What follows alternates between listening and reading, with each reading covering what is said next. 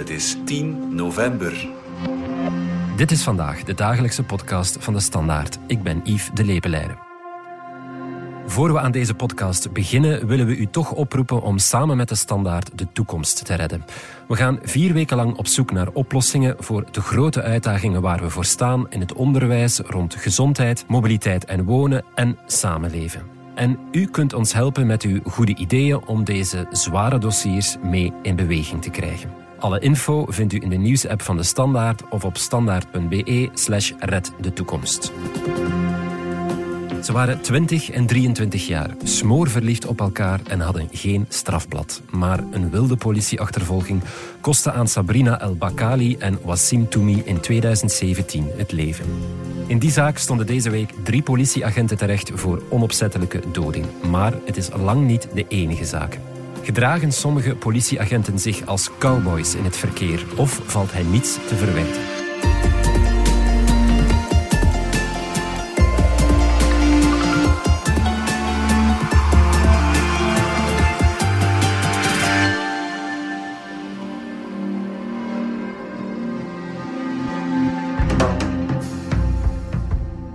Helene de Beuklade van onze binnenlandredactie, welkom. Dag Yves. Jij bent net terug van de politierechtbank in Brussel, waar uh, nogal een tragische rechtszaak uh, voorkwam. De zaal zat stampvol. Dat is ongelooflijk. Ik kwam toe op het uur dat het zou beginnen en die zaal puilde helemaal uit. Het zat vol met sympathisanten, met activisten ook. Ook veel collega's, politieagenten, waren voor de gelegenheid afgezakt om hun collega's te steunen.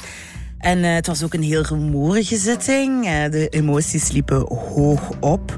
Zeker tijdens de pleidooien van de, het parket en van de verdediging van de politieagenten hadden sommige mensen het gevoel dat zij hun ontevreden over die visies luid moesten uitspreken. En de voorzitter van de rechtbank was daar helemaal niet mee gediend. Die heeft op een gegeven moment zelfs gedreigd om de zitting stil te leggen als ze nog één iemand iets hoorde zeggen. Maar het was ook ja, pijnlijk voor de familie, want uh, de vader is op een gegeven moment ook door zijn zoon naar buiten moeten gebracht worden, omdat hij zo overmand was door emotie. Dus uh, het was een pittige dag, zeker. Het is dan ook een heel dramatische zaak die ja, heel wat gemoederen beroert. Hè? Heel zeker. Vertel dan eens kort waar, waarover die zaak gaat. Ja, drie politieagenten moeten zich verantwoorden voor de politierechtbank voor de onopzettelijke doding van Sabrina El Bakali en Woussim Toumi. Mm -hmm. Het koppel reed eigenlijk op een uh, avond in mei 2017 op een motor toen ze werden opgemerkt door een politiepatrouille. Er waren een aantal dingen die niet klopten. Wassim reed een beetje te snel, maar ook uh, hij pinkte niet. En Sabrina die had uh, gouden sneakers aan, maar niet, dat zijn niet de juiste bottine voor zo'n zware motor. Dus de politieagenten hebben besloten om uh, hun te achtervolgen. En toen is er ergens een, een vlucht ontstaan. Heeft de politie hen opgejaagd of ja. zijn zij weggereden en is de politie achter hen aangegaan? En dat is geëindigd in een hele hoge snelheidsachtervolging op de Louisa-laan in Brussel. Toen het noodlot toesloeg en uh, de motor waar het koppel op zat ingereden is op een andere politiewagen die ja. zich had aangesloten bij en, de achtervolging. En dat koppeltje is uh, gestorven? Klopt. De aanleiding voor die achtervolging ja, was dus eigenlijk een paar gewone, domme, mag ik zeggen, verkeersovertredingen. Ja, daar is wel natuurlijk discussie over. Uh, voor de advocaten van de burgerlijke partijen is dat zeker zo. Van, ja, je, je, je gaat eigenlijk mensen de dood injagen voor niet gebruiken voor richtingaanwijzigers en botinekes. Mm -hmm. Als je aan de andere kant luistert, is van, ah ja, dat is uh, twee mensen op een motorfiets. We weten niet wie dat die mensen zijn, ook al weten we wie dat er de eigenaar is van die motorfiets. Dus er kwamen zelfs argumenten bij kijken als het was uh, niet lang na de aanslagen en dat zouden twee terroristen met een AK op een motor kunnen zijn. Mm -hmm. Dus uh, het hangt echt wel vanaf hoe dat je naar dezelfde feiten kijkt. Ja, maar ze hadden geen strafblad. Het waren geen criminelen of zo die op de loop gingen voor de politie. Het was een doodgewoon koppeltje dat misschien uit schrikreactie op de loop is gegaan. Ja, en dat gaan we dus nooit weten. Daar is het grote vraagteken altijd bij gebleven. Waarom heeft Wassim de vlucht genomen? Want er is eigenlijk niet veel dat een aanwijzing daarvoor zo'n gedrag zou zijn. Hij was altijd beschreven als iemand die zeer bezorgd was om de veiligheid van zijn vriendin, van Sabrina. Dus ja, het blijft een enorm vraagteken. Maar wat weten we wel? Politie heeft hen gevraagd om te stoppen. Dat bevel is genegeerd. En dat is ontsponnen naar een hoge snelheidsachtervolging, waar dat er eh, door rood is gereden, waar dat er um, rond punten de verkeerde richting is opgereden door beide. Dus uh, het blijft heel moeilijk om te beantwoorden. We gaan het straks nog hebben over de verantwoordelijkheid van, van die politieagenten die betrokken waren. Maar misschien moet je eerst even vertellen wie de slachtoffers waren. Want je hebt ook met hun familie gepraat. Ja, het, ik heb met de moeder van Sabrina El-Bakali gesproken. Haar naam is Naima El-Kouaz. Je m'appelle Naima El-Kouaz, la maman de Sabrina El-Bakali. C'était une fille qui était très coquette. Très belle. Très belle. Très, très belle fille. En met de zus van uh, Wassim, haar naam is Amira Toumi. Bonjour, je m'appelle Amira Toumi, je suis la sœur de Wassim Toumi. C'était quelqu'un... un beau gosse. C'était un beau gosse déjà. En ja, die families die kennen elkaar al lang. Want Sabrina en Wassim, ook al groeide Sabrina op in Sint-Pietersleeuw en Wassim in Vorst, dat ligt niet zo ver uit elkaar. En ze gingen allebei naar school in Brussel. En ze waren eigenlijk, ja, ze hebben elkaar ja. als jeugdvrienden ontmoet. En zijn na verloop van tijd een koppeltje geworden. En het was een uh, koppeltje met grote plannen, grootste dromen. Sabrina die deed uh, opleiding voor kapster en schoonheidsspecialisten. Elle voulait uh, faire uh, son petit spa. Samen deden ze dan nog eens avonds een opleiding, een soort bedrijfskunde, mm -hmm. boekhouding bedrijfskunde. En het idee was dat, dat ze samen een zaak gingen beginnen. Il y avait des projets humanitaires, il y avait des projets euh, personnels que ce soit euh, l'ouverture d'un business avec Sabrina. Ouais. En uh, ze waren dus ook al op zoek naar ruimtes, dan vooral in het zuiden van Brussel, in Vorst en zo, om daar hun project uit te bouwen. Ook uh, Wassim wordt omschreven als iemand, ja, een beetje zo'n knappe jongen. Wist wel dat hij eh, wat, wat plannen had. Il était très mature pour son âge. Très mature pour son âge. Il voyait les choses en grand wat dromen. Maar ook iemand die heel vroeg was settelen. En zo was Sabrina blijkbaar ook. Ze hadden elkaar gevonden. Avec Sabrina, il, voulait, il avait aussi beaucoup d'ambition. Il voulait fonder uh, vite une famille aussi. Ze wouden dat gezinnetje, ze wouden die zaak. En dat is wat ze gingen doen. C'était pas du rap, on va faire ça, on va s'amuser. Oui, ils s'amusent, mais ils avaient vraiment des projets qui... Oui, très sérieux. Ils tenaient à les atteindre. En toen als ze die avond op die motor zaten, kwamen ze ook van die opleiding samen. Klinkt als een mooi liefdesverhaal. Ja, was het ook, zeker. Ja, maar dat liefdesverhaal is dus tragisch geëindigd. Hè. Ze zijn dus op de vlucht geslagen na een paar verkeersovertredingen. Begrijpt de familie waarom ze toen op de vlucht zijn geslagen? Nee, dat blijft een heel groot mysterie. Ja, daar is ook heel veel onzekerheid en uh, wantrouwen over, bijna. Moeder van uh, Sabrina zegt altijd van ik begrijp het niet, want Wassim was altijd iemand die heel bezorgd was over haar, ook als zij achter het stuur zat. Ja. c'est pour ça que c'est pour ça encore maintenant l'accident, je n'arrive pas à comprendre comment c'est possible, parce que lui pour Sabrina, même quand elle roulait dans ma voiture qu'elle prenait ma voiture, il avait toujours peur pour Sabrina, fais attention. Il a toujours peur, oui, c'est ça. Alors qu'une moto, comment... Tu comprends pas? Non, je non. comprends pas. Wat weten we dat er gevolgd is? Een zware achter, snelheidsachtervolging op de Louisa-laan. De politiewagen is geflitst aan 143 km per uur. Mm -hmm. Dat is heel snel voor een baan waar dat je eigenlijk maar 50 per uur mag ja. rijden. En wat is er daarna gebeurd? Ze zijn de Ballieu-tunnel ingegaan en op hetzelfde moment is er een politiewagen van de hondenbrigade die alles gehoord had via dispatching. Die dacht van, ik ga helpen, ik, ik, ga, ik, ik doe mijn job. Of ik weet niet wat er in zijn hoofd is opgekomen. En die heeft zich daar geplaatst op de uitgang van de Ballieu-tunnel. En zijn idee was, ik ga het verkeer vertragen. Mm -hmm. En die motor is knal op de linker achterzijde van die auto ingereden. Ja, dus die agent staat terecht, van die in Ja. de wagen zat, die de baan heeft geblokkeerd. Ook de twee agenten die de achtervolging hebben Ja. ingezet, staan terecht. Dus wat wordt hen nu precies verweten? Ja, dus die drie agenten worden alle drie vervolgd voor onopzettelijke doding ten gevolge van een verkeersongeval. Er zijn eigenlijk twee centrale vragen. De eerste vraag is wat dat die agenten in die politiewagen hebben gedaan, hadden ze dat moeten doen. Hadden ze achter het koppel moeten blijven aangaan en hadden ze daar zo'n hoge snelheid moeten doen? Hebben ze daar een onnodig risico gecreëerd? De andere vraag is ten opzichte van die agent van de hondenbrigade, hoe die zich daar heeft opgesteld. Kunnen we daar vragen bij stellen? Bijvoorbeeld van, dat is te gevaarlijk. Zo'n obstakel creëren in het midden van een politieachtervolging is Ja. daar geen grove fout gemaakt. Ja. En dat is iets wat dat de rechter nu moet beoordelen. En die vragen zijn de vragen waar dat de familie mee zit.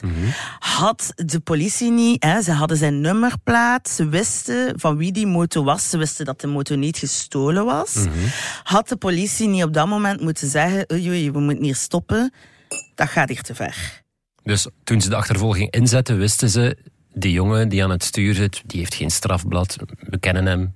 Op het begin van Ze- de achtervolging ja. wisten ze dat. Ja. Ze konden hem evengoed de dag nadien uitnodigen voor verhoor of Exact. een boete opsturen. Dat is eh, exact het argument van de families. Le simple fait qu'il y a eu une course-poursuite, un dispatching, un déploiement d'autant de policiers alors qu'ils avaient l'identité euh, de, avec la plaque d'i- plaque d'immatriculation de mon frère, de la moto, du motard, suffisait pour euh, aux policiers de se dire que bah, finalement, c'est pas un criminel. Pourquoi on va risquer la vie de deux jeunes innocents alors qu'ils qui causaient à ce moment-là aucun danger et qui n'allaient sûrement pas en poser? De feiten dateren van 2017, vertelde je, zes jaar geleden. Waarom komt het dan nu pas tot een proces? Omdat het parket niet wou vervolgen. In de ogen van het parket heeft de politie niets verkeerd gedaan. Dat hebben ze trouwens in de rechtbank nog eens herhaald. Ja. In hun ogen is het een heel tragische zaak. En is het iets waarin het recht zeer vreed kan aanvoelen.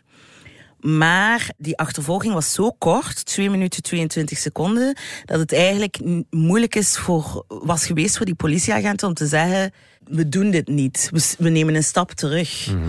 En daarnaast is ook het argument dat... ehm, waar dat die politiewagen stond, waar dat die dan uiteindelijk is tegen ingereden, dus die wagen van de hondenbrigade, dat die voldoende zichtbaar was. En parket heeft eigenlijk een argumentatie afgesloten van dit is onnoemelijk leed, maar de rechtbank kan niet al het leed oplossen. En de familie is daar herhaaldelijk tegen in beroep gegaan. Dus die zijn naar de raadkamer gegaan. Dan naar de kamer van een. Dat kost allemaal enorm veel tijd. Bijkomende onderzoeksdaden. Uiteindelijk is de kamer van inbeschuldigingsstelling die gezegd heeft, parket, nee, ik wil dat deze zaak voor de rechter komt. Die hebben dat doorverwezen naar de politierechtbank. En die heeft de agenten in kwestie in beschuldiging gesteld. Uitspraak volgende maand, hè? 5 december. Oké. Straks vragen we ons nog af hoe ver de politie eigenlijk mag gaan bij achtervolgingen, maar eerst gaan we er even uit voor reclame. Zeg, schatje, jij bent zo stil vandaag. Wilde jij iets zeggen? Ja, eh, nee, nee. eh, eh, Wel, ik zou eigenlijk graag samen een huis willen bouwen. Ah, ja, ja, Lego-huis, hè. We zijn goed bezig, hè. Ja, dat weet ik, maar ik dacht eerder aan een echt huis. Voor ons. Ja? Oh, wilde je dat echt? Tuurlijk, ik wil niks liever. Sommige gesprekken verdienen een blijvende herinnering. Bouw samen een Lego-set en leg die eerste steen.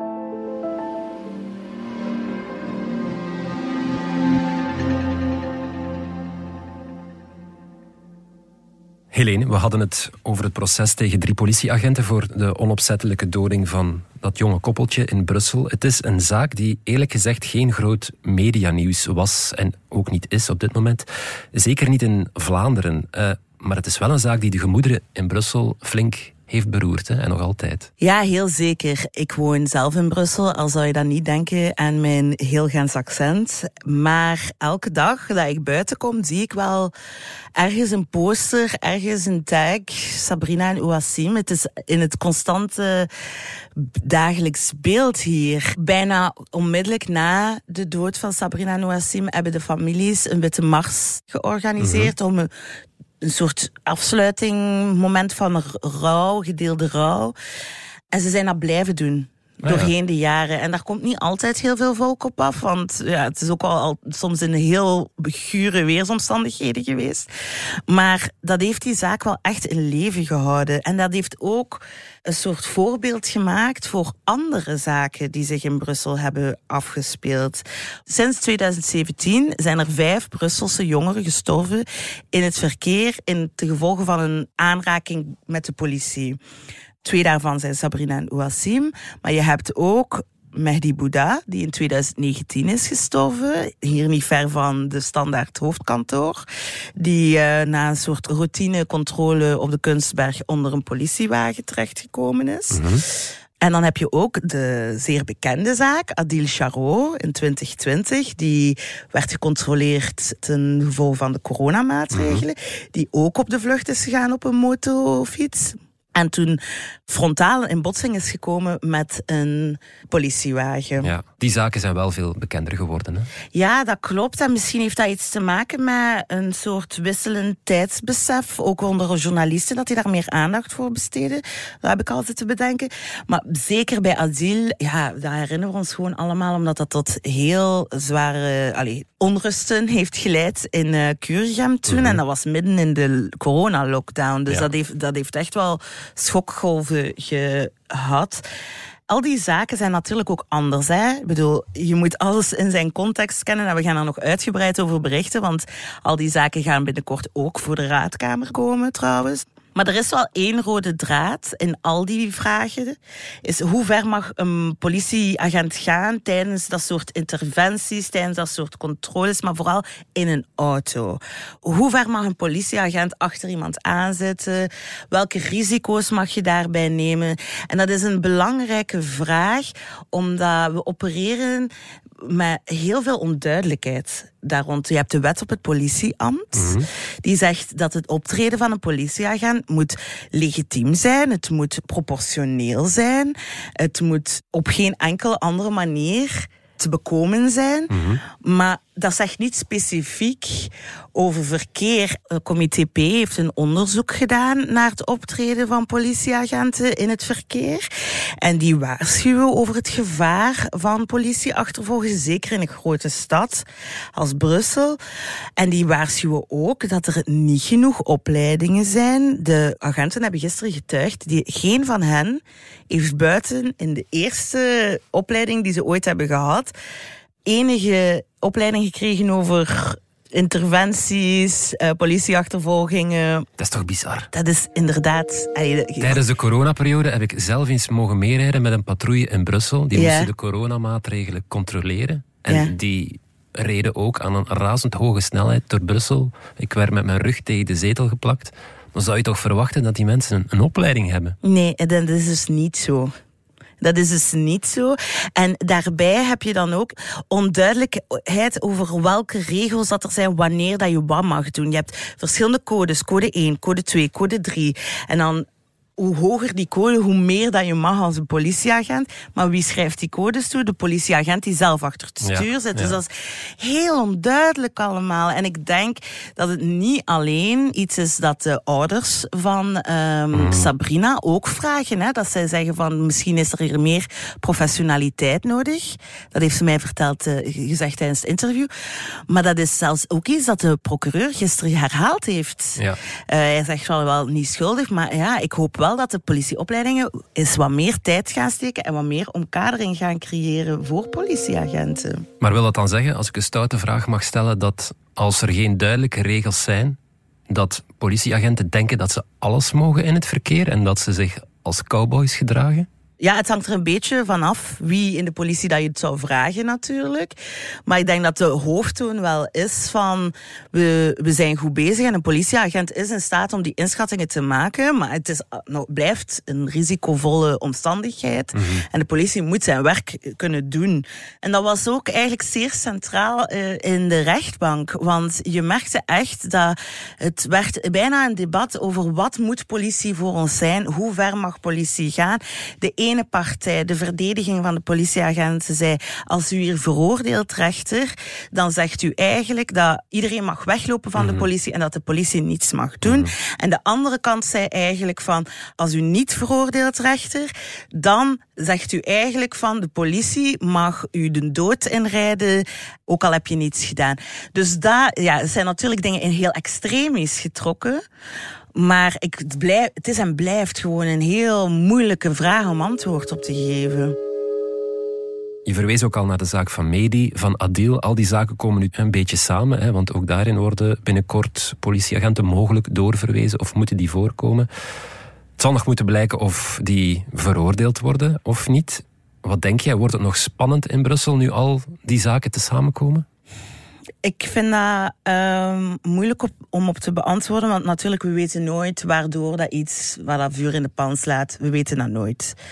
Wat ik wel weet is, je hebt natuurlijk ook niet alleen die politieachtervolging. Hè. Je hebt ook een aantal mensen die afgelopen jaren gestorven zijn in politiecellen. Ibrahim Abari, mm -hmm. uh. En als ik eerlijk ben, maak ik mij wel zorgen dat als justitie en politiek misschien geen antwoorden hiervoor gaat creëren, want we zitten ook in een verkiezingsjaar, uh, dat er spanningen gaan ontstaan. Mm. En het is ook maar eigenlijk een beetje normaal. Uiteindelijk zijn er mensen gestorven en als dat niet gehoord wordt, als dat niet gedragen wordt, als dat niet gevoeld wordt, dan gaan die mensen zich op een andere manier laten horen. Tot slot, Helene, nog even terugkomen op de zaak van dat koppeltje, Sabrina en Wassim. Hoe gaat het nu met die families? Ja, die, die families, ja, die, die hebben een heel moeilijke periode achter de rug en gaan nog steeds heel moeilijke tijden tegemoet. Vivre, c'est plus la vie comme on avait avant. Euh, tu penses à des vacances. T'as plus. Euh... À chaque événement, on les imagine ouais. avec nous. Donc la vie elle continue, mais pas. Maar ze hebben wel echt elkaar gevonden. En dat is eigenlijk wel opmerkelijk. Het had niet veel gekost of die families waren totaal uit elkaar gevallen. Want ik denk dat zeker de familie van Sabrina had ook alle schuld aan de voeten van Wassim kunnen leggen. Ja, en dat hij doen is er vandoor gegaan. Want hè, hij ja. is er vandoor gegaan. Zij zat achterop. Hè. Ja, ze had nul ja. controle over wat er gebeurde. Maar dat doen ze dus niet. N'y a pas de tension à voir. Je pense que la douleur, elle est aussi chez nous que chez elle, que chez la famille euh, de, de Norima. Je veux dire, c'est pas... Ja, misschien voor sommige mensen is dat een beetje raar, maar er zit wel een zekere schoonheid in. Mhm. Zeker ook voor de familie Toumi. De vader is overleden ondertussen aan kanker. En ze hebben wel, ze hebben wel elkaar. En dat zag je ook in de rechtbank. Na het verlies van twee jonge mensen is dat dan maar het mooiste wat dat er kan gebeuren, zeker. Ze verwijten elkaar niet. Nee, ze verwijten elkaar niet. Eigenlijk leggen zij allebei, beide gezinnen, de schuld uh, bijna volledig bij de politie. On se bat pas l'un contre l'autre, c'est pas quelqu'un qui a causé la mort, c'est pas Wassim ou bien Sabrina qui a causé la, la, la, la mort de, de chacun. On est bien d'accord qu'on parle d'un individu en plus qui est la police. Mm -hmm. Mais c'est la police, c'est pour la police qu'on. Qu enfin, c'est pour la police. Euh... Helene, bedankt. Dank u wel.